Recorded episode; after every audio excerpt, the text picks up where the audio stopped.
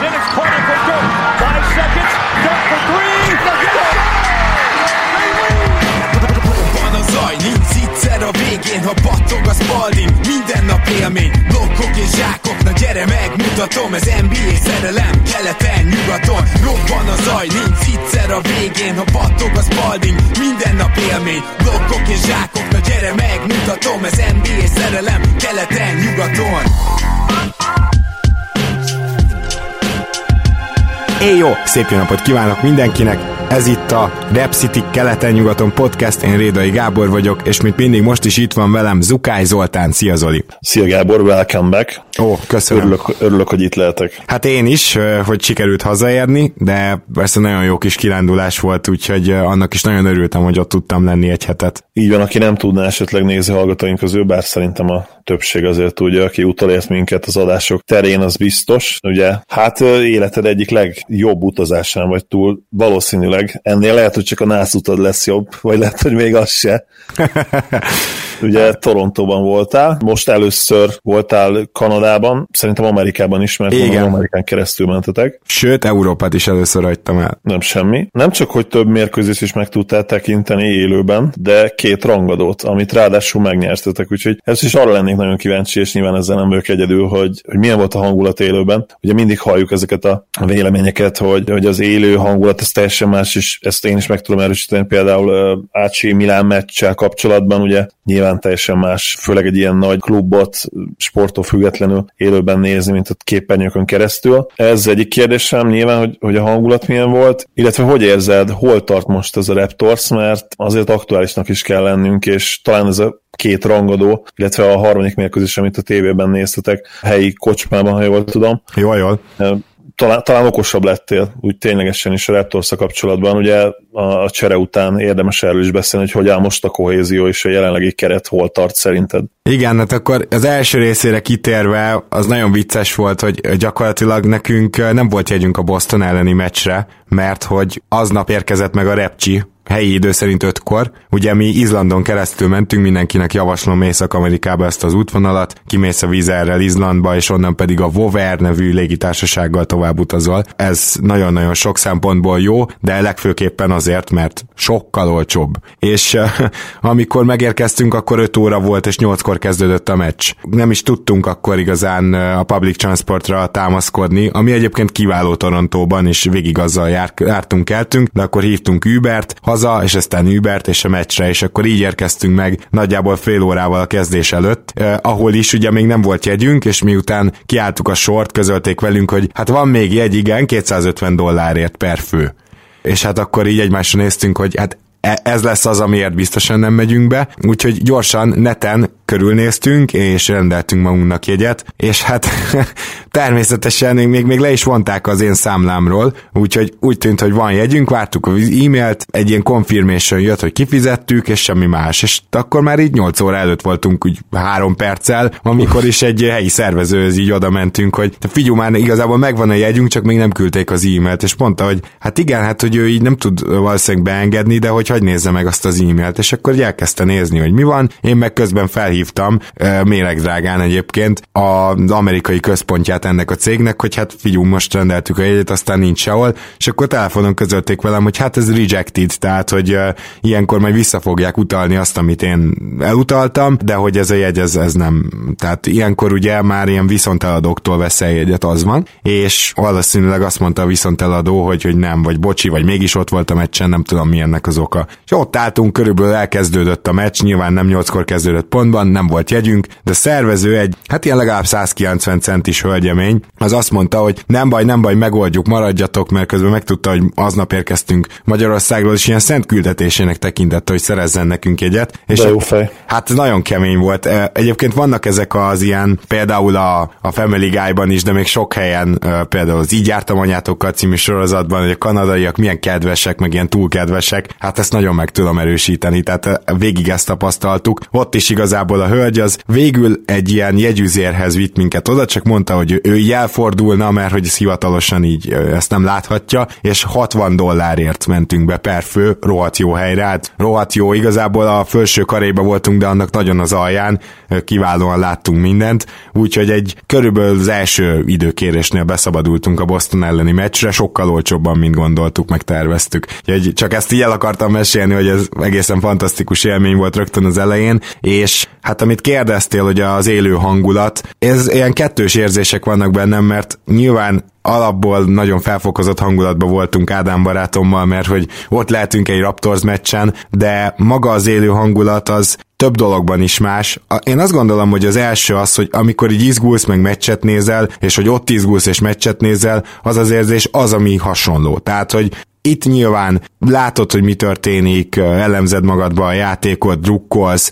E- ez annyiban jobb talán, hogy ott sokan drukkolnak vele, tehát mindenki, aki bármilyen meccsen volt, ezt át tudja élni. Viszont a körítés az azért egy teljesen más kategória. Itt először is van egy olyasmi minden egyes szünetben, amit sokszor láthattok is a közvetítéseken, hogy próbálják így mutatni a nézőket, vagy különböző sok vannak, és ugyanúgy egyébként, ahogy otthonról is úgy tűnik, hogy van amelyik így jobb, rosszabb, ez élő jövőben is így van, viszont az nagyon érdekes volt, hogy a nézőközönség Torontóban egyáltalán nem volt ilyen szempontból bugyuta, hogy nem tudom én kiszkem, meg, meg mindenképpen szerepeljünk, hanem tényleg mindenki azzal próbált szerepelni, hogy üvöltötte, hogy let's go Raptors, meg, meg mutogatta a pólóját, nem tudom, kicsit sokkal inkább európai érzés volt ez szerintem, mint, mint amiket látok mondjuk teszem azt egy amerikai, konkrétan USA meccsen. Úgyhogy én úgy gondolom, hogy az a hírneve neve a torontói publikumnak, hogy egy picit ilyen európai drukkerek, az teljes mértékben,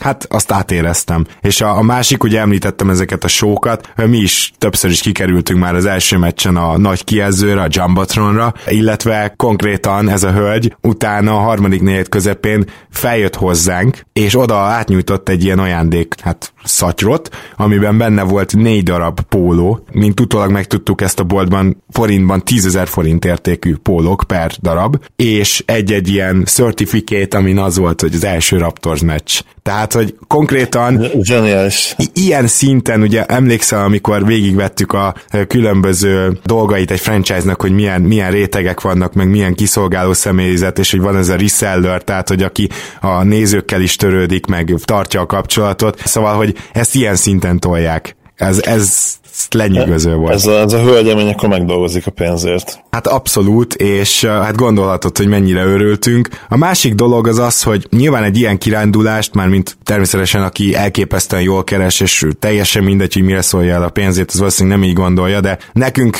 többieknek azért nagyjából egy különlegesebb és nagyobb kiadás mindenképpen. Úgyhogy az egyik ilyen nagy javaslat, hogy meccsen ne költsetek semmire. Tehát, hogy a, amilyen árak vannak alapból Kanadában, az bizonyos tekintetben sokkal nagyobb, ugye, mint itthon. Ezt azért mondom, hogy bizonyos tekintetben, mert a, a kaja nagy része, főleg amit egy ilyen olcsóbb szupermarketben mondjuk látsz, az, az hasonló áron van. De például az alkohol, vagy például az egészségtelenebb dolgok, azok mind jóval-jóval drágábbak, és ezt kellett még három, meg háromszorozni a Raptors meccsen, szóval a, a két mérkőzésen igazából a fél fizetésünket ott hagytuk, kegyetlen volt, tehát csak egy popcornt veszel, meg csak egy sört, ilyen, ilyen csillagászati árak, mint nem tudom, ha itt a Hiltonba szállnál meg. Igen, az Ádám posztot is Instagramra egy számla képet, és ott is átszámoltam egyből, és hát igen, kicsit, kicsit erős, és azt hiszem, hogy az nem is a meccsen volt, hanem lehet, hogy az már a, a kocsmában, a, a, a Detroit ellen, igen. igen. Gondolom igen. Az, az olcsóbb is akkor nyilván. Az, az volt egyértelműen az olcsóbb, persze, tehát igen. itt igazából két ilyen klasszik észak-amerikai pubot, kocsmát látogattunk meg, mert ugye volt a két meccs, illetve a kettő között elmentünk egy The Bar with No Name nevű helyre, ahol egyébként nagyon finom hamburgert tettünk, meg jól éreztük magunkat, az csak ilyen kirándulás volt, hogy, hogy milyen ez, és aztán az igazi, vagy a főpróba, mert ugye a Detroit ellenit azt már kifejezetten egy sportsbárban néztük, a Doc Kellis úgy hívták, és hát igen, az se volt olcsó, de egyáltalán nem is tűnt drágának mondjuk a Raptors meccs után, tehát ahhoz képest a fele áron volt minden, és ott is nagyon finomakat ettünk. Hát arról én most nem kezdek el beszélni, hogy, hogy milyen street foodokat próbáltunk ki, mert lehet, hogy majd valamelyik adásba egyszer, vagy majd valami összefoglaló videót kaptok, ezt még nem döntöttem el. Minden esetre egészen elképesztő, tehát a kulinárisan is egy egészen fantasztikus élmény volt, tényleg olyan helyekre jutottunk be, mármint nem elit helyekre, hanem egyszerűen olyan jó street food helyekre, amelyek önmagukban is ilyen nagyon nagy élményt jelentettek. És akkor mielőtt a, a csapatokra ráterünk, illetve ugye a Raptorsra, meg a harmadik kérdésem, mert végül is három kérdést tettem fel, azt még erősítsd meg, hogy, hogy Toronto valóban európai város így szellemiségében sok-sok olyan helyet fel lehet fedezni, ami esetleg építészetileg vagy úgy hangulatában Európát idézi? Jó kérdés, ugye azért hozzá kell tenni, mi is már interjú voltunk egy-két, például, ha visszaemlékeztek, akkor Lepsényi Péterrel, vagy, vagy Csikós Attilára, tehát egy-két olyan vendégünk volt, aki járt már amerikai nagyvárosokban, és nyilván a belváros hatalmas tornyaival, meg ugye Torontóban a világ legnagyobb tornya van konkrétan a CN Tower, de, de egyáltalán a felhőkarcolók, tehát ez egy nem európai érzés. Voltam már például Milánóban, nekik is van három felhőkarcolójuk, de azért teljesen más kategória, amikor az egész belváros ilyen. És ráadásul Toronto rohadt nagy, 3 milliós, és több ilyen belvárosszerűség van, tehát nyilván, hogyha felmész egy magasabb helyre, akkor látod, hogy több ilyen egység van, ahol egyszer csak felhőkarcolók sora emelkedik ki, úgyhogy ez az érzés, ez nyilván nem európai. Egyébként az angol építészetre hajaz nagyjából, amennyire meg tudom ítélni, és én úgy vagyok vele, hogy inkább olvasztó tégeinek meg világvárosnak tűnt. De nem volt ez rossz értelemben, csak tényleg elképesztő elképesztően sok volt a, a kínai, akár főleg kínai, de koreai is Japán is, e, ez, ez ilyen 40%-a az embereknek, alapból ugye itt elsősorban bevándorlókról beszélünk, sokkal kevesebb feketével találkozik az ember például, viszont ilyen szempontból klasszik európai fehér ember is kevesebb, mint 50%, hogyha végére jövünk, tehát a népesség összetétel az semmiképp nem európai, illetve a hangulat az pedig úgy változik, ahogy mész a buszmegállók mentén, tehát mondjuk mész Chinatownba, van belőle belőle három, vagy éppen Little Portugál, Little Italy, Little Korea, tehát van itt minden, és akkor ott, ott, ott látod, hogy ott tényleg olyan üzletek vannak, tényleg azok az emberek vannak, tehát mint hogyha így kontinenseken keresztül utaznál egy hosszabb Igen, buszon. ez viszont abszolút a világvárosokra jellemző. És ha, ha már ezt a kérdést feltettem, akkor tényleg kanyarodjunk most már vissza a Raptorsra. A kohéziót kérdeztem, de, de ott is azért fontos lehet szerintem ez, hogy, hogy mennyi nemzetközi játékos van ennek a csapatnak, és hogy, és hogy mindig az az ember érzés, hogy mennyire jól megvannak ők a pályán kívül, és, és a Raptorsnál a, a chemistry az, az mindig szenzációs. Ezt, ezt így átérezted a meccs közben? Láttál a kispadon ebből valamit? A, a bemelegítés előtti, ugye most már legendás ez a, ez a egymás közötti, nem is tudom, szertartás, vagy játék, vagy minek nevezzük, amit csinálnak, az egészen hihetetlen. Na, például arra, a, sajnos azt nem láttátok a Boston elleni meccsen, de a következőn gondolom igen. Igen, igen, a Portland ellen láttuk. Hát én úgy gondolom, hogy a Raptorsnál ez a chemistry ez azért is nagyon szuper, mert hogy egy hosszú évek óta épülő csapat van, még akkor is, hogyha mondjuk az öt évvel ezelőtti csapatból már szinte csak Lauri van itt, akkor is azt mondhatjuk, hogy azért ezek a srácok már egy ideje megpróbálnak odaérni a keleti első helyre, és például Gasolnak nem is biztos, hogy a személyisége, hanem a játékstílusa az, amivel egyből be tud illeszkedni. De ugyanakkor az is látszott, és a pályán is, meg a pályán kívül is, hogy vannak vezérek, tehát Kavajon is, és főleg Laurin is látszott az, hogy azért ők gyakorlatilag egy másodegyzők, vagy legalább hasonló. Larry mindenképpen, ő többször is oda megy nurse beszél vele, elmondja, hogy mit kéne csinálni szerinte, tehát ott teljesen egy ilyen pályaegyző érzésed van. Ami még érdekes, hogy Siakam, ő nagyon korán kijött melegíteni, sokáig maradt, szóval én úgy látom, hogy ő az ilyen glúgájunk valójában, ő az, ő az a legnagyobb csapatember, aki rengeteg munkát beletesz, és aztán a pályán is ezért folyamatosan jó döntéseket hoz, pedig olyan szintű kosáríkúja szerintem, mint mondjuk Larry-nak, aki szinte ebből él most már, hogy lelassult, hogy kiváló döntéseket hoz, még nincsen, de, de mégis azt látod, hogy Siakam például elképesztően bepasszol ebbe a Raptorsba. És hogy szakmailag is egy kicsit válaszoljak a kérdésre, még azért össze kell szokni a, a pályán a Raptorsnak, de ez az egyző feladata is, sőt, főleg az egyzőjé, mert az látszik, látszik, hogy Jeremy Lint egyelőre nagyon nehezen tudjuk beilleszteni, és az is látszik, hogy a Raptorsnak jelenleg a második sora, ami tavaly még legendás volt, az most óriási problémát jelent, ami nyilván a playoffban kevésbé lesz probléma, de mint ahogy a playoffban kevésbé volt nagy faktor az is, hogy ugye jók voltunk tavaly a padról, de azért azt lássuk be, hogy itt az alapszakaszban, hát a tegnapi Houston elleni meccsnél jobb példa azt hiszem nem kell, szóval itt, itt azért vannak gondok, hogyha, hogyha nem áll össze a padod. Fontosabb szerinted az, hogy egészségesen, fontosabb szerinted az, hogy egészséges maradjon a csapat, és összeálljon, hogy meglegyen a kohézió, mint az, hogy üldözzétek nagy energiákat mozgosítva az első helyet? Nehezen tudok rá válaszolni, és itt most már rá is mehetünk a mai adásunk témájára, ugye a keleti top 5-re, mert itt nem tudom, hogy lesz-e helyezkedés, de abba biztos vagyok, hogy mindenki az Indiana ágára szeretne kerülni. Mielőtt az Indiről beszélnénk, most csak Raptors szempontból megvilágítanám, ugye a Raptorsnak egyértelműen a legrosszabb meccsap a Bucks, és lehet rá lehet legyinteni, hogy jó, a Bucks tényleg nagyon jó, és mindenkinek a legrosszabb meccsap, de ez nem igaz. Ezt majd hamarosan kifejteném, van erről egy elméletem, hogy így a keleti top 5-ből van az a négy csapat, akire igazán számítunk, és azoknak körbe-körbe van egy rossz matchup. Viszont a, a Raptors az biztos, hogy szívesebben játszana azért az Indivel, ugyanúgy, mint a többiek, mint mondjuk a Filivel. És a második körről beszélünk nyilván, mert hogy itt már negyedik helyig visszacsúszni, az szerintem majdnem lehetetlen, főleg, hogy a Raptorsnak könnyű is a sorsolása. Szóval nem tudom, hogy a Fili végül megelőzi azt, azt az Indit, de azért jó esély van rá, és hogyha így van, akkor jó jönne az első hely. Ilyen szempontból gondolom, hogy érdemes lenne üldözni, viszont Kawait ugyanúgy kiültette a Raptors például a Detroit ellen, és ez így lesz a szezon hátralévő részében, és nagyon óvatosak lesznek vele. Ez a pad jelenleg nem nagyon áll össze, úgyhogy nem hiszem, hogy reális az, hogy megelőzzék a bucks de én nagyon szeretném, ha mégis sikerülne, mert én azt gyanítom, hogy majd a Fili lesz a harmadik, és az India negyedik a végén. E- ebben mindenképpen egyetértünk. A Sixers bár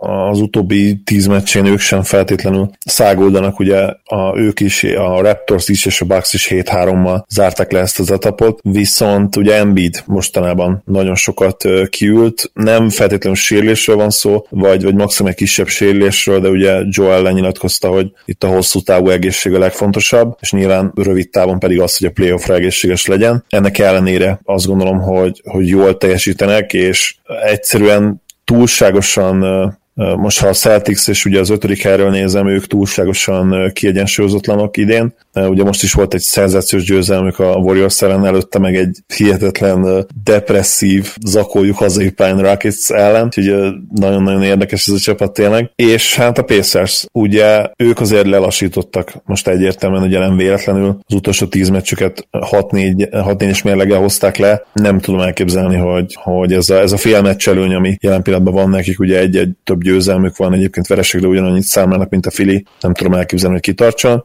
Hát és egyébként a Pacersnek, nem tudom, rá tudsz-e kattintani a következő pár meccsére, de hogyha abból a harmadik helyen kijönnek, akkor én elkezdenék félni tőlük, akkor már mégse őket akarnám. Meg is nézem, igen. Igen, ugye most vannak a Milwaukee, a Milwaukee az idegenbe, utána Philly az idegenbe. Két napon belül nem back-to-back, de egy nap különbséggel. Ez, ez egészen brutális. Aztán jön egy könnyű mérkőzés a New York ellen, de aztán Oklahoma City hazai pályán. Denver ellen mennek idegenbe, ami talán a legnehezebb idegenbeli meccs az egész bajnokságban. Utána egyből a Portland ellen idegenbe megint csak, Clippers van idegenbe, Warriors ellen idegenbe, ez, mi, ez micsoda hát túra hát idegenbe, ez, ez jó Isten. Aztán utána könnyű lesz a dolog, mert Denver jön hazai pályán, mennek Oklahoma City-be, és mennek Bostonba. Na jó, tehát akkor ezt, ezt még egyszer soroljuk fel, ezt a, a tíz meccset, mert én ilyet még nem nagyon láttam. Milwaukee Sixers, New York, az ugye az egyetlen könnyű meccs, Oklahoma City, Denver,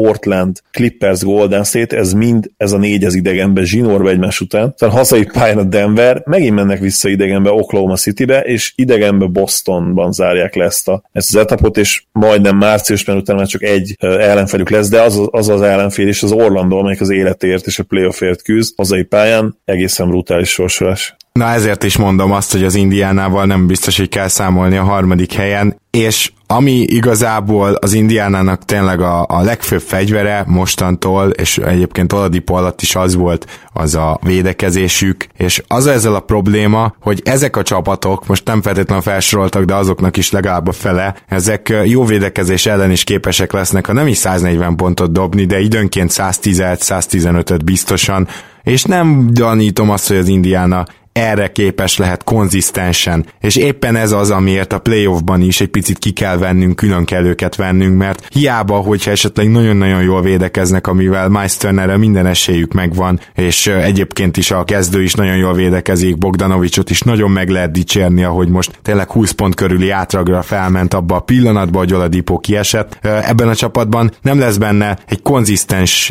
olyan támadás, amit tudnak akkor használni, amikor szoros például egy mérkőzés, és ez, ez, ez biztosan ki fog jönni, mert nincs olyan képességű játékos, aki fel tud lépni, aki néha tud egy-egyezni, vagy egyáltalán akinek ilyen esetekben akár poszt szituációban meg lehetne játszani. Mondjuk Szabonis szerintem ilyen, hogyha az utolsó részét nézem a mondatodnak, de periméter játékos valóban nincs. Tehát akinek crunch time-ban oda lehet adni a labdát a periméteren, hogy old meg, amilyen ugye Oladipo, olyan játékos egyértelműen nincs, és ugye ezt Szabonis sem tudja hozni, viszont azt gondolom, hogy ő azért azért play kiváló teljesítmény nyújthat. Ha valakiben van kiugrás, ugye ezt nagyon sokszor beszéltük már, az egyértelműen ő, hiszen magas játék percek mellett is kiváló számokat tud hozni, és a per 36 statjai egészen hihetetlenek. Viszont ő valóban nem az a típusú játékos, aki ugye, aki ugye egyedül a, a vállára fogja venni a csapatot, amilyen egyébként Oladipo időnként, és ez biztosan ki fog jönni a play A kérdés csak az, hogy mikor. Lehet, hogy már az első körben, lehet, hogy a második körben csak, de, de az teljesen egyértelmű, hogy ki fog jönni. Ugye egyébként a Raptorsnál is említettük ezt, hogy a legkönnyebb sorsolása van gyakorlatilag, vagy nem tudom, hogy mondtam de úgy emlékszem.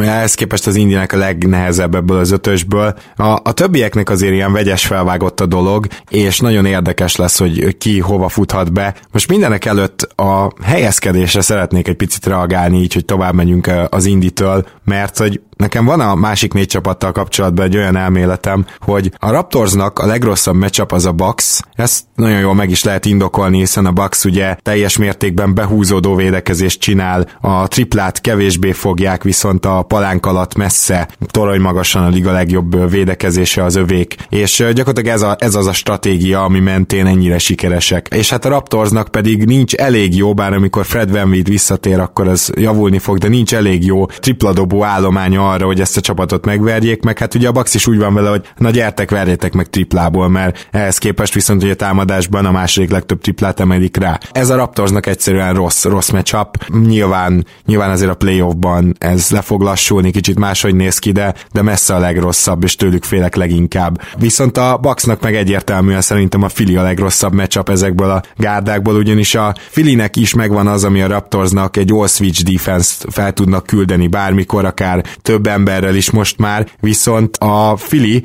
az rendelkezik egy olyan fegyverrel Joel Embiid tekintetében, akinél nem biztos, hogy számít majd az a fantasztikus védekezés a palánk alatt, mert ő tudott is dominálni, és hogyha ez megtörténik, akkor a Bucksnak a, az egyik legfőbb fegyverét veszi el. Szóval Embiid miatt én azt gondolom rá abszolút nincs emberük, és egyértelműen a legrosszabb meccsap nekik. A Filinek pedig most már eléggé kijelenthetjük azt, hogy a legrosszabb meccsap bizony a Boston, mert nyilván lehet arra is fogni, hogy az elmúlt nem tudom én 15 meccs meccsből talán, ha egyet nyert a Fili, de ez nem véletlenül van, nekik viszont vannak embereik, és van jó védekezésük Embiidre, és azt nagyon jól látjuk, hogy a Philadelphia még most is gyakorlatilag ezen áll vagy bukik, hogy Embiid mennyire tud sikeres lenni. Tegyük hozzá, hogy azért a, az a problémája kezd megszűnni a Filinek, hogy nincs padja. Nyilván még nem elit, vagy nem nagyon jó pad, de most már azért egy playoffban, hogyha fogalmazhatok így nagy négyesből, körülbelül két ember mindig pályán lesz. Viszont a Bostonnak meg szerintem egyértelműen a legrosszabb meccs a Raptors,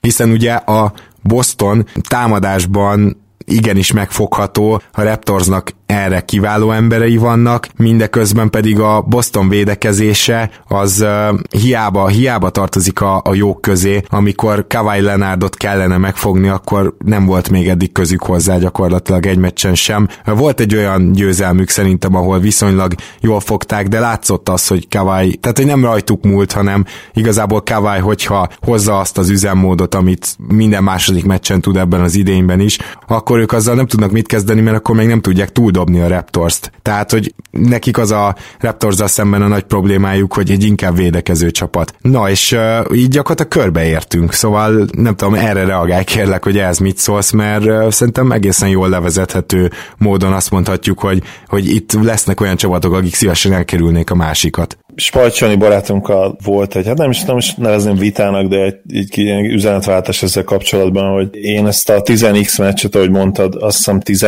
az elmúlt 19-ből talán 18 meccset nyert a, a Celtics a, a Sixers ellen, Szóval abból én azért a nagy részét, ha nem is azt mondom, hogy kidobnám az ablakon, de, de legalábbis szkeptikusan tekintenék rá, mert a, a Harris-szel felálló Sixers ugye még egy mérkőzés játszott csak a celtics azt egyébként elveszítette ugyanúgy, mint a KV előtte nem tudom hányat, vagy ha a zsinórban ugye nem is volt sok vereség, de azért a play is azt hiszem öt meccsen kaptak ki. Igen. Szóval nem feltétlenül mondanám azt ki, hogy, hogy borzasztó matchup, de inkább úgy fogalmazok, hogy azt kimondhatjuk, hogy az utóbbi időben bizony borzasztó matchup volt a Celtics a, a Sixersnek, egyértelműen olyan problémákat tudtak teremteni a Philadelphia csapat számára, amelyet nem tudtak megoldani, és, és az, hogy felmerült bennünk, illetve nagyon sokakban, például azt hiszem, hogy Baska is oda helyezte Brad Brown-t a, a liga legrosszabb edzői közé, szóval az, hogy felmerült bennünk egyáltalán, hogy Brown nem túl jó edző, az elsősorban ennek a playoff párharcnak, és, és nagy részt a Celtics elleni matchupnak is köszönhető, mert bizony ők azok, akik rendszeresen fel tudták tenni azokat a kérdéseket úgymond, amit sem a Sixers játékos, sem pedig Brown nem tudtak megválaszolni, és ezért lenne számomra nagyon érdekes egy első körös érdekes párharc, és én nagyon-nagyon szurkolok. Emiatt a, annak azért, hogy, hogy a Pacers valami csoda folytán maradjon a harmadik helyen. Sajnos nem fog megtörténni, ugye elemeztük már, hogy,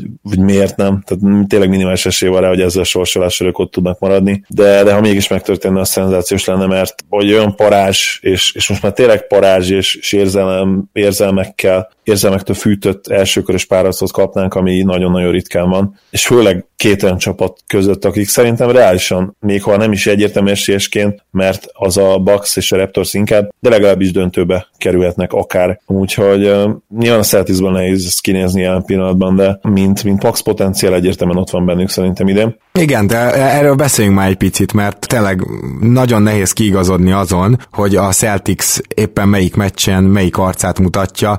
Picit úgy érzem, nem vagyok benne teljesen százszerzékig biztos, de picit úgy érzem, hogyha esnek nekik a dobások, hogyha támadásban jók tudnak lenni, akkor az így összecsiszolja hirtelen a csapatot. Mindeközben viszont, hogyha egy átlagos estét hoznak, akkor egy jobb csapat rendszeresen meg fogja őket verni, mert egyszerűen az a védekezés, amit ugye tavaly tudtak, az most nincs meg, és lehet, hogy tényleg igazak azok a média híresztelések, hogy ez egy picit így a chemistry, kohézió miatt van. Tudom, hogy ez nem túl szakmai vélemény, és most nem bontottam raktam szokásom szerint agyon számokra a dolgokat, de az biztos, hogy ez a csapat a tavalyi védekezést, hogyha megnézed, szóval azt nem lehet csak arra fogni, hogy milyen jó védők vannak, mert tudok még három olyan csapatot, ahol vannak ilyen jó védők. Ott már kellett az is, hogy elképesztően egybe legyenek, és nyilvánvaló, hogy az volt a sikerük kulcsa, és nem pedig a támadás, főleg miután ugye Irving kiesett. És idén viszont azt tapasztaljuk, hogy védekezésben sokkal jobban ingatagok, és persze minden csapatnak az NBA-ben még még, a, még a porter előtti Bullsnak is voltak 120 pontos meccsei, tehát hogy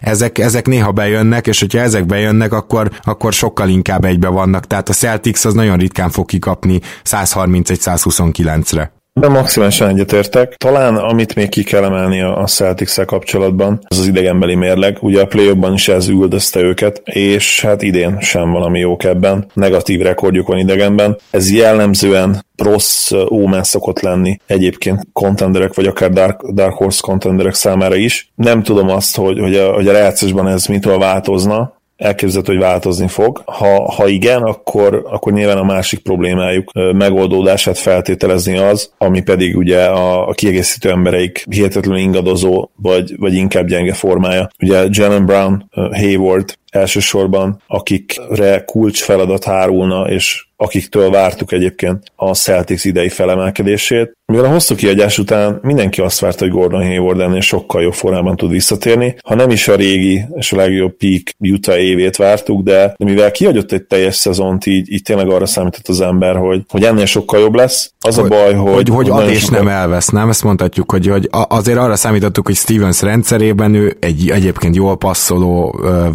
wingjátékos tényleg hozzá tud adni ez a Bostonhoz. Így van, és nyilván a tehetsége meg is van hozzá, sajnos ez, ez a sérülés nagyon súlyosan visszavetette az ő karrierjét, ez most már egyértelműen látszik, viszont nyilván a te nevedben és mindenki nevében, szinte mindenki nevében beszéltek, hogy, hogy reméljük, hogy ez nem végleges. Paul George-nak is azért nagyon hosszú idő kellett, mire hogy ő ugye nem, hogy visszatért a régi formájára, de, de idén élete szezonját játsza. Nem tudom, hogy Hayward képes lesz erre, de az biztos, hogy ennél sokkal, sokkal, sokkal jobban tud játszani, és azért vannak időnként biztató jelek, tehát volt idén 4-5 hihetetlen mérkőzés. A legutóbbi ugye pont a Warriors ellen, már a Víradóra, a, eddig az volt a probléma, hogy, hogy a, az eddigi három-négy ilyen kiváló meccset szinte soha nem tudta lekövetni, most nagyon kíváncsi leszek arra, hogy ez sikerülne, mert ha ő valamit fel tud építeni a playoff előtt, az nem csak egyéni szinten, de csapat szinten is hihetetlen sokat érhet. Én valamit a Boston padjának, amelyik kicsit áll vagy bukik ezen. Egyébként annyiban Jalen Brown megvédhetjük, hogy azért ő már jóval jobb, mint ahogy elkezdte a szezon, tehát ott egy egyértelmű fejlődés van. De valóban, amikor Hayward kifejezetten jó meccset hoz, akkor egyébként az nagyon jót tesz általában a Celtics Celticsnek. Szóval ezt nagyon érdemes lesz monitorozni. Egyetértesz velem, hogy bebetonozták lassan magukat az ötödik helyre? Azért nem feltétlenül értek egyet,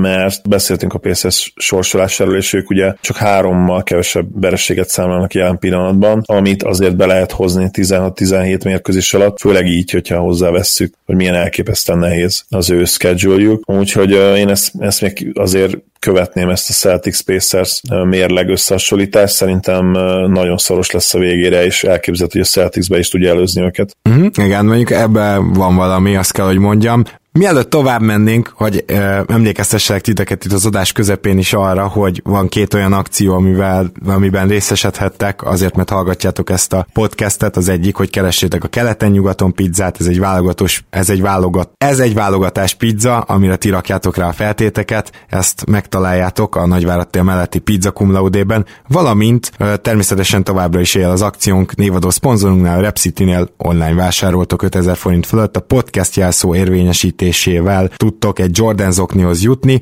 ezen kívül pedig ha minden igaz, akkor most hosszabb távon is folytatódik ez az együttműködés a Rep City és a keleten-nyugaton között, úgyhogy ennek szerintem mindannyian nagyon örülhetünk, és hát ne felejtkezzünk el a Patreonról sem, patreon.com per keleten-nyugatonon tudtok minket támogatni, és bizony ti vagytok a legnagyobb támogatóink továbbra is, úgyhogy nektek köszönhető az, hogy ilyen gyakorisággal tudunk jelent, jelentkezni, hogy így fel tudunk készülni, hogy ennyi időt tudunk erre szánni, és ezért tényleg csak hálásak lehetünk, és köszönjük, hogy foglalkoztok a podcastnek a jelenével és a jövőjével. Így van, ahogy KD-nek pár éve édesanyja volt az MVP-je, úgy nekünk ti vagytok, úgyhogy köszönjük még egyszer. Terben vannak a jövő, jövőre nézve is dolgok, próbálunk továbbra is fejlődni, megújulni, amennyiben szükség lesz rá, azt gondoljuk, hogy, hogy még talán nem tartunk ott, de elképzelhető, hogy a nyáron másféle platformokat, másféle kontentet is elkezdünk majd gyártani. Vannak ötletek, meglátjuk, hogy mi lesz belőle, egyelőre ennyit szeretnénk csak elárulni, aztán majd a többit megírja a jövő. Bizony, bizony. És hát ha, ha már itt emlegetted az MVP-t, a lehetséges MVP csapata maradt még itt, akikről nem beszéltünk. Ugye a mai adás inkább a, arról szól, hogy mit várunk a következőkben, milyen helyezkedést, de valahogy a Bucks ebből kimarad.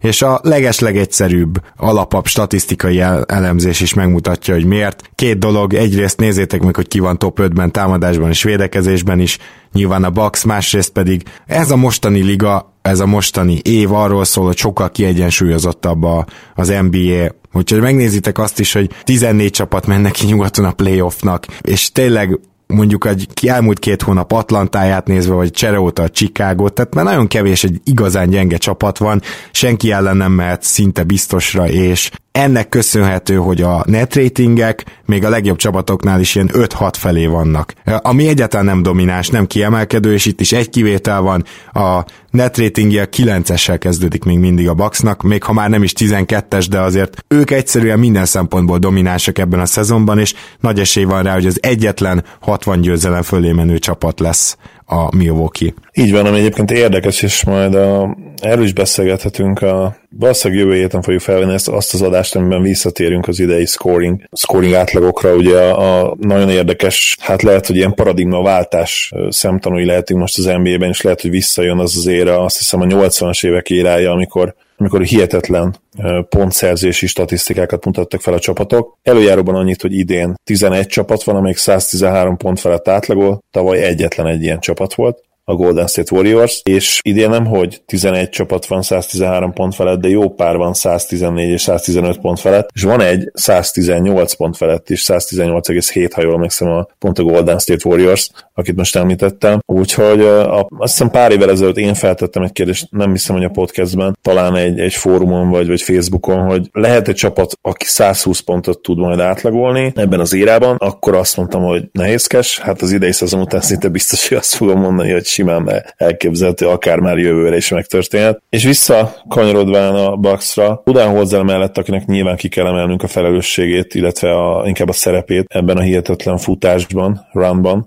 amit idén lehoz ez, a, ez az egyébként végtelenül, számomra végtelen szimpatikus csapat, az Jannis, aki advenstatok terén nagyon-nagyon sokat fejlődött, és főleg védekezésben. Most már szerintem nyugodt szívvel kijelentetjük, hogy ott van a liga 6-7 legjobb védője között, és szinte biztos, hogy Paul george egyetemben, meg valószínűleg a most sérült Robertsonnal egyetemben a, a top három periméter védőjét az NBA-nek jelen pillanatban ők alkotják, és ez még akkor is igaz, hogy ha egyébként Bud Jannis kicsit ilyen KG szerepben használ védekezésben, ilyen, ilyen free safety-ként mindenhol ott kell lenni az ő hihetetlen hosszával és atletikusságával. Tehát végül is mondhatjuk azt, hogy azért Jannisnak ez a szerep ked- kedvez leginkább, nem? A képességei miatt gyakorlatilag maximalizálja őt Budenholzer mindenképp, tehát neki ez lett kitalálva. Nem, nyilván nem annyira intelligens védekezésben semmiképp, mint KG volt, de még KG-nél is jobbak a fizikai adottságai, ez nem kérdés. Gyorsabb Garnettnél, hosszabb is szerintem, bár Garnettnek is azt hiszem, hogy 7-4-5 körül volt a wingspan de Jannisé is 7-5-7-6, és ami, ami egyértelmű számomra, hogy, hogy még mindig lehet feljebb a görögnél, ami hát egészen félelmetes. Azt nem gondolom, hogy valaha megtanul úgy igazán dobni, nyilván javulni fog a dobása, de, de ez biztos, hogy nem lesz átlagon felüli, kimagasló dobó, az már szerintem fel is lenne a ligával szemben, viszont, viszont mindenben tud még egy picit fejlődni, és, és ez, ez tényleg félelmetes, mert a legnagyobb esélyese szerintem az MVP címnek, bár Harden egyébként lehet, hogy bele fog még szólni, meglátjuk, Paul George szerintem nem, nagyon sokan szeretnék, hogy ő nyerjen, de én azt gondolom, hogy nincs rá is esélyre. Persze, persze. És hát én azt gondolom, hogy azzal egyet kell, hogy értsek, hogy védekezésben még annak ellenére is jelentőset fejlődött, hogy ugye Budenholzer nagyon jól használja.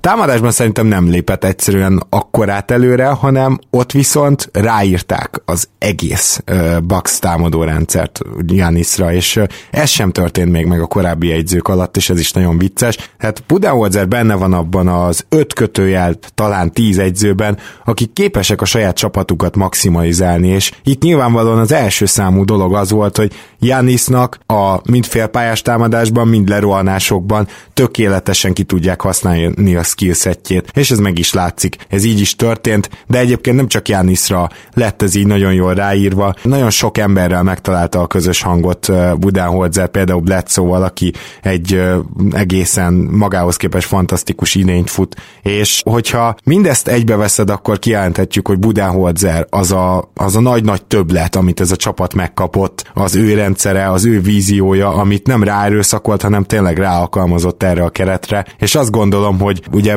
beszélgettünk még a szezon elején arról, hogy hát ilyen 49-51 győzelem, hogy, hogy igen, mind a kettőnknek meglepetés, és sokaknak meglepetés az, hogy a Bucks lesz ez a 60 győzelmes csapat idén, nem? Nem kérdés, tehát ezt semmiképp nem vártam volna. Azt tudtuk, hogy rájátszásban lesznek, nyilvánvaló volt, ugye Jannis már tavaly is a liga egyik legjobb játékosa volt, és akkor is igazából MVP formában kezdett, annyi, hogy idén ez gyakorlatilag egész évben tudja hozni, és azért jelentősen fejlődött támadásban szerintem. Még erősebb lett, és ez, ez segít neki még jobban befejezni a gyűrű közelében, ugye a, a tavalyi effektív field goal százaléka az 54,5 százalék volt, az az előtti évben egyébként 54,1, tehát ott nem nagyon látta el úrást, idére viszont ez majdnem 60 százaléka felment, ami hát konkrétan ilyen majdnem ilyen peak sek szint. Azért nem egyébként, mert ellentétben ugye sekkel Jánisz azért ráemel néhány középtávolit meg triplát minden mérkőzésen. Ha ezt nem tenné, akkor gyakorlatilag peak sek számokat hozna. Hát jó, csak hát itt az van, hogy igazából most a megfelelő helyzetekben kapja meg a labdát. Nem arról van szó, hogy arról szól a támadás, hogy adod a Janisnak, aztán csókolom. Tehát, hogy nem, nem magától lett ez 60 százalék, még a fejlődött is. Én ezt sokkal inkább Budenholzer rendszerének tulajdonítom, mert itt, itt látványos a, a változás egyszerűen. Oké, okay, de, de mondom fizikailag is fejlődött Jannis, tehát még rá kapott igen. három, három-négy klizmot, tehát nyilván azért az se, az se elhanyagolható. Meglátjuk egyébként, mert azt gondolom, hogy a rájátszás ebből a szempontból is érdekes lesz, hogy ott mit tud kezdeni Jannis. Meg hát mit tud Budenholzer? Mert hogyha van Igen. vele szembe kritika, már a, annál a bizonyos Hawksnál is ez volt, hogy a, a playoffban azért többször is lemecselték. Így van, így van, és hát azért keleten is van jó néhány edző, ugye Nurse is ugye azért főedzőként újonc, nem picit kérdőjel a playoffban. Az biztos, hogy, hogy nagyon-nagyon intelligens edző, rengeteget videózik, rengeteget olvas, szerintem ilyen napi 18 órákat dolgozik. Abszolút olyan típusnak tűnik. Úgyhogy én, én jó teljesítményt várok tőle, de azért meglátjuk, hogy más nyilván egy hihetetlen szoros mondjuk keleti elődöntő hatodik meccsén, úgyhogy közel vagy, közel vagy ahhoz, hogy hetedik meccset kelljen játszanod, más olyankor döntéseket hozni, mint, mint az alapszakaszban, úgyhogy rá is kíváncsi leszek. És hát valóban Bud. Brad Brownnak is ugye kell bizonyítania a tavalyi év után, igen, itt igazából Stevens és Macmillan az a két egyző, aki, akiben ilyen szempontból megbízunk, nem? Igen, igen, mindenképpen. Stevens azért az idei, az idei, hát hogy is mondjam, kiegyensúlyozatlan játék ellenére is ott van szerintem a top három edző között, és, és a, listán, a mi, listánkon mindenképpen ott lenne. És az is tetszik egyébként Stevensben idén, hogy ő nagyon-nagyon kritikusan beláll ebbe az egészbe, és kihangsúly, nem kihangsúlyozva, de mondjuk megemlítvén a negatívumokat, azért mindig előre mutató az, amit mond, és, és mindig pozitív, és egyértelmű, hogy ő, ő a vezér ő az igazi vezér ebbe a csapatba, számomra nem kérdés, és, és ebben picit szerintem a fiatal popra is hasonlít, nem véletlen, hogy olyan sűrűn összehasonlítják őket egyébként. Belőle is szerintem, be, a következő pop szerintem, hogyha valaki lesz a ligában, nyilván az egy nehéz elvárás, akkor szerintem Stevens lesz az egyértelműen. Igen, igen, egy ilyen szempontból érdekes az úgy Budenholzert is megnézni, mert hogy ő viszont, tehát már ránézel már ilyen vezető, tehát egyáltalán amilyen met, fejet vág a meccsen, szerintem a játékosai nem mennének hozzá. Igen, nagyon-nagyon vehemens, ugye Stevens nem feltétlenül ennyire vehemens, és nem személyiség gondoltam nyilván, mert Stevensnek nagyon más a személyisége, mint Popovicsnak. Szakértelemben a, az őt körülvevő millió tekintetében, amilyen tiszteletet kivívnak maguknak, ebben szerintem ő, egy hasonló jelenlét lehet, mint pap. Mondom, egyébként tényleg más, alapvetően teljesen más személyiséggel. Na jó, de akkor mondjuk egy elődöntőben, egy Budenholzer Stevens összecsapásnál te emiatt lehet, hogy inkább a Bostonra fogadnál? Hát legalábbis, ha összehasonlítanánk a matchup, matchupokat, és nyilván itt a két edzőt is, akkor valószínűleg a, a, az olló nálam nálam Stevens felé mutatna, és szerintem a, a párharc is igazából szoros lehetne, vagy szorosabb lehetne. Nyilván attól is függ, hogy kivel játszik a Celtics az első körben, mert ha mondjuk egy, egy széteső netszet vernek meg, mondjuk azt számomra nem lesz annyira jelzésértékű, mintha mondjuk egy Sixers-t intéznének el mondjuk könnyen, ami hát számomra azért tényleg sokkoló lenne még akkor is, hogyha beszéltünk arról, hogy mi történt az elmúlt talán majdnem két tucat meccsen köztük, úgyhogy... Hát igen, ő... mondjuk azt szerintem kizárhatjuk, hogy a Boston a harmadik helyig feljön, tehát lehet, hogy igazad van, hogy az Indiánát még megelőzheti, de hogy a Filip nem, az szinte biztos. Soha nem mondtad soha, a, a Filiben azért nincsen MB, nem nagyon tudjuk, vagy én legalábbis nem tudom, hogy meddig ül még ki, és bár most nyeregetik a meccseiket, de azért náluknál lényegesen gyengébb csapatok ellen is megszenvednek, ami persze érthető, hiszen az egyetemi vezérük és, és az egyértelműen legjobb játékosok hiányzik. Hát egyrészt, másrészt pedig tényleg ez a helyzet idén, hogy csak a Bucks tud rendszeresen kiütéses győzelmeket csinálni. Még a Golden State-nek volt egy ilyen sorozata, de azért a, a Bucks tényleg, hogyha nyer, akkor általában nagyon nyer, hogyha kikap, akkor nagyon meg kell szenvedni az ellenfélnek. Na most például a Boston az egy kiütéses győzelmeről beszéltünk most a Golden State ellen, meg korábban is volt egy-két ilyen meccsük, de közben meg így konkrétan kiütik őket párszor ö, középcsapatok, és ez, ez viszont nagyon érdekes, hogy nyilván a liga sokkal erősebb, ezt mondtam ilyen átlagosan nézve, de, de, de akkor is, tehát a, ilyen szempontból a Bucks dominanciáját ez nagyon jól alátámasztja szerintem. Mindenképp, igen. Ez azért jelzésértékű szokott lenne a rájátszással kapcsolatban is. Így van, erre akartam Bár, kiukadni, igen, igen, igen.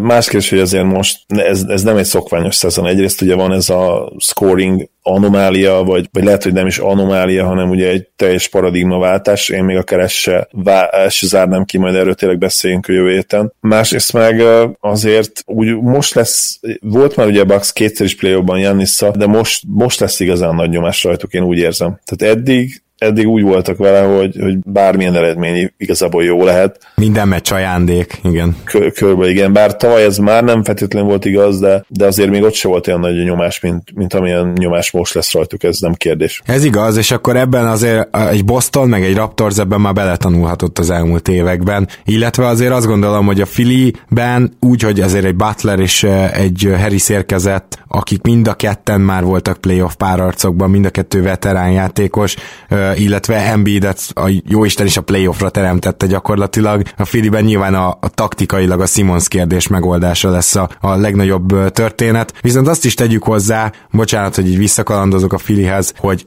uh, egyértelműen kijelenthetjük, hogy Simons talán még jobb második évet hoz, mint amilyen neki az első volt. Most nagyon-nagyon működik ő, úgyhogy ilyen szempontból is kíváncsian várom azt, hogy a Fili tényleg hol végez, és hogy lesz-e esetleg elsőkörös párarca Bostonnal, amit te is említettél, mert hogy a másik ilyen nagy megoldhatatlan probléma, amit a Boston általában, vagy kérdés, amit általában feltesz a Filinek, az az, hogy Simons-t hogy használod. És szerintem bármelyik playoff csapat, beleértve az Indiánát is felteszi akár ezt a kérdést majd a Filinek. Igen, és uh, Simons biztos, hogy lehozza majd az ő egyénileg jó mérkőzéseit, és jó statokat is fog átlagolni. Az előző play is egyébként jó statokat átlagolt, semmi probléma nem volt vele, leszámítva nyilván azt az egy-két mérkőzést, ami, ami hát ilyen mémé avanzsát után. Igen. Ugye a híres egypontos Wilt Photoshop. Viszont a nagy kérdések az utolsó percekben fognak eljönni. Tehát crunch time, ugye a Filinek két alapvető problémája van, vagy volt eddig, ugye az egyik a labdaeladások, a másik pedig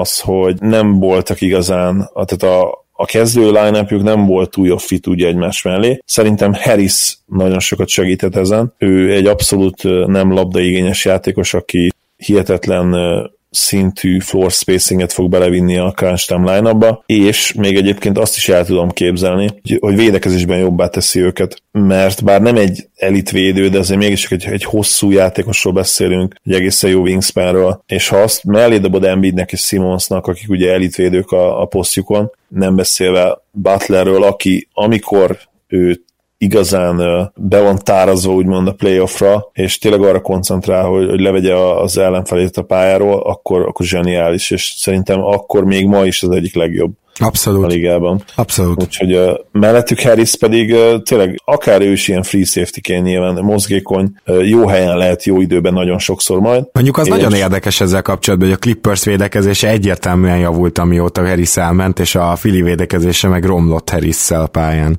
Így van, de azért ez, ez olyan kicsi minta, illetve azt is meg kell említeni, hogy az ellenfelek minősége is ugye azért ilyenkor erősen ingadozó. Plusz ráadásul Nem. azt is tegyük hozzá, hogy a Clippershez a Temple J. Michael Green páros megérkezett, azért az két jó védő pluszba. Azok a másik így van. És egyébként nagy kedvencünket, vagy legalábbis neked kedvencedet, Scottot is emeljük ki, aki hát még, még egy opciót adott a Filinek, és ugye most is akkora daggert dobott be az éjjel, hogy hihetetlen volt. Igen, igen. És még egy csapatra, a Raptorsra, ilyen keretes szerkezetbe térnék vissza, ha már itt elérkeztünk ahhoz, hogy nem csak, hogy mit várunk, hanem hogy akár a playoffban is mire érdemes figyelni, meg fókuszálni. Szóval az a helyzet a raptors hogy ez a csapat, hogyha megnézed mondjuk a Boston elleni meccs egy hete, ugye, második és harmadik negyedét. Ha megnézed, hogy most hogy jöttek vissza a harmadik negyedben a Houston ellen, ugye végül veresség lett, mert az első idő annyira vállalhatatlan volt, hogy nem, nem tudtak már ennyire visszakapaszkodni, de ugye több mint 20 pontos hátrányból egy negyed alatt megfordította a Raptors a meccset. Akkor ezeken a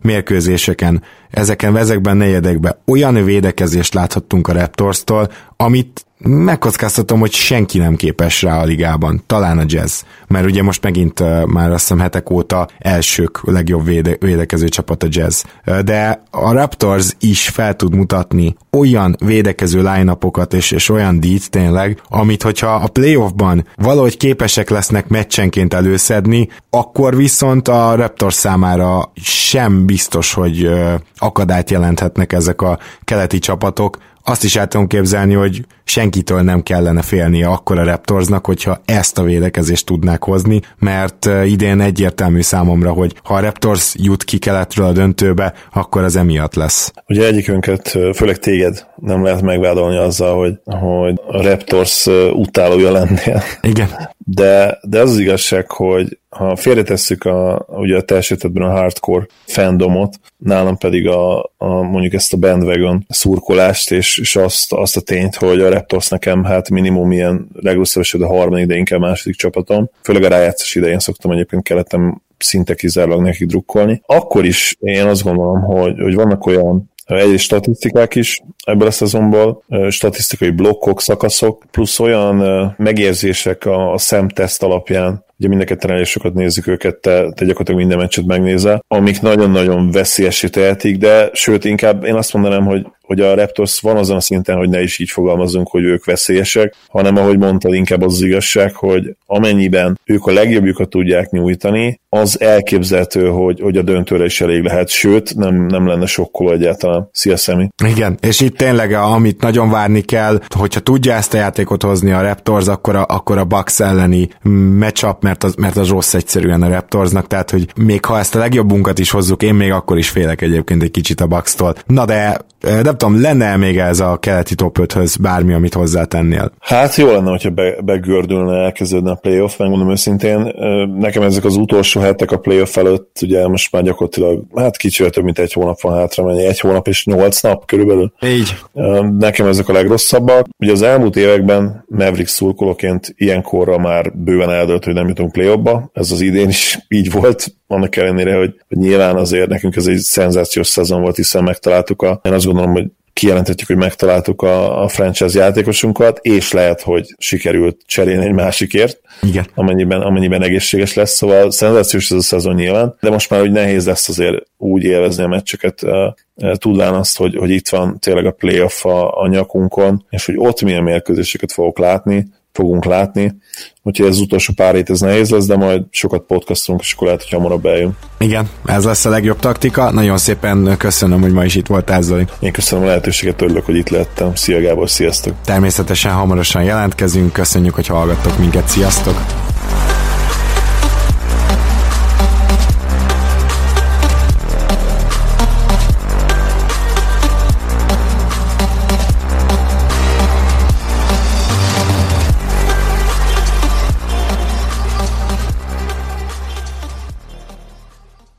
Ha más podcastekre is kíváncsi vagy, hallgassd meg a Béton műsor ajánlóját. El tudod képzelni, hogy a podcastet, amit éppen most hallgattál, fél év múlva már a mesterséges intelligencia generálja? Mi sem. De ha érdekel, eljött már a gépek lázadása. Hallgass bele az Embertelen podcastbe. Orsós Lajos vagyok, a műsor házigazdája. Egyelőre még élőben. Egyelőre. Fedezzük fel együtt, hogyan ismerkedik, randizik, mesél és vitatkozik Betty és Péter, két teljesen mesterséges intelligencia. Lajos, a podcast címét mond még egyszer, Léci. Oké. Okay. Embertelen podcast. Ez a műsor a Béton közösség tagja.